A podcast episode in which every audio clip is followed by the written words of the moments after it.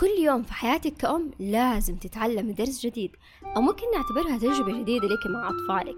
قد مرة فكرتوا إنه كل الأشياء اللي تمر فيها تأثر في أطفالكم؟ وفيكم كأمهات؟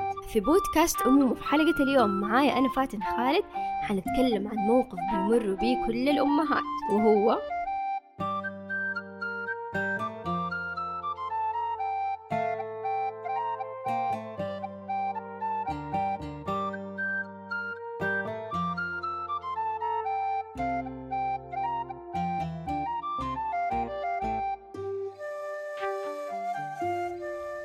تخيلي معايا.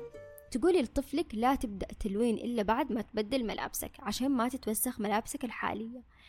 لكن طبعا طفلك يبدأ يلون من غير ما يبدل ملابسه وانت متأكدة إن اللبس اللي هو لابسه حيتوسخ بالألوان. كل الأطفال تلقائيين بطبيعتهم ويحتاج وقت عشان يقدروا يسيطروا على تصرفاتهم.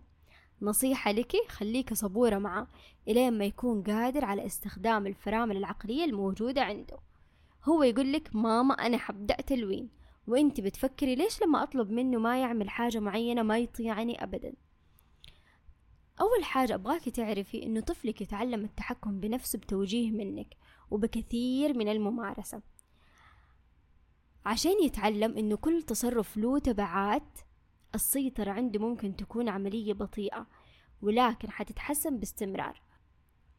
ولازم تعرفي إنهم مو دايما يقدروا يسيطروا على نفسهم خصوصا لو حسوا بالحماس. لما تطلبي من طفلك بصراحة إنه ما يعمل شيء معين يكون الموضوع محبط لما تحس إنه يتحداكي أو ما يسمع كلامك متعمد. أكيد بتحسي إنه صبرك بدأ يقل.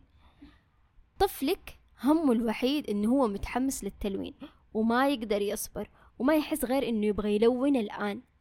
طيب أنا حقول لك كيف ممكن تتصرفي مع طفلك في هذه اللحظة. أول حاجة قولي له العواقب وحطي له حدود وأشرحي له أسبابك بدل من إنك تعصب عليه لما يتخطى حدوده. ده الشي بيخليه يهرب أو يواجهك مواجهة سيئة. قولي له العواقب لتصرفاته بشكل مباشر. مثلا قولي له لو ما بدلت ملابسك وتوسخ دا اللبس ممكن نضطر إننا نتخلى عن دا اللبس اللي أنت تحبه وما حتقدر تلبسه مرة تانية. ثاني حاجة كرر عليه التعليمات. إذا حسيتي إنه طفلك وإنت بتكلميه مشتت أو ما يسمعك لازم تكرري له التعليمات وتتأكدي إنه فهم طلبك. وممكن تتأكدي بإنك تقولي له اشرح لي الشيء اللي أنا طلبته منك. الأطفال مندفعون بطبيعتهم ساعديهم إنهم يحافظوا على فضولهم الطبيعي في الوقت اللي يتعلموا فيه اتباع القوانين.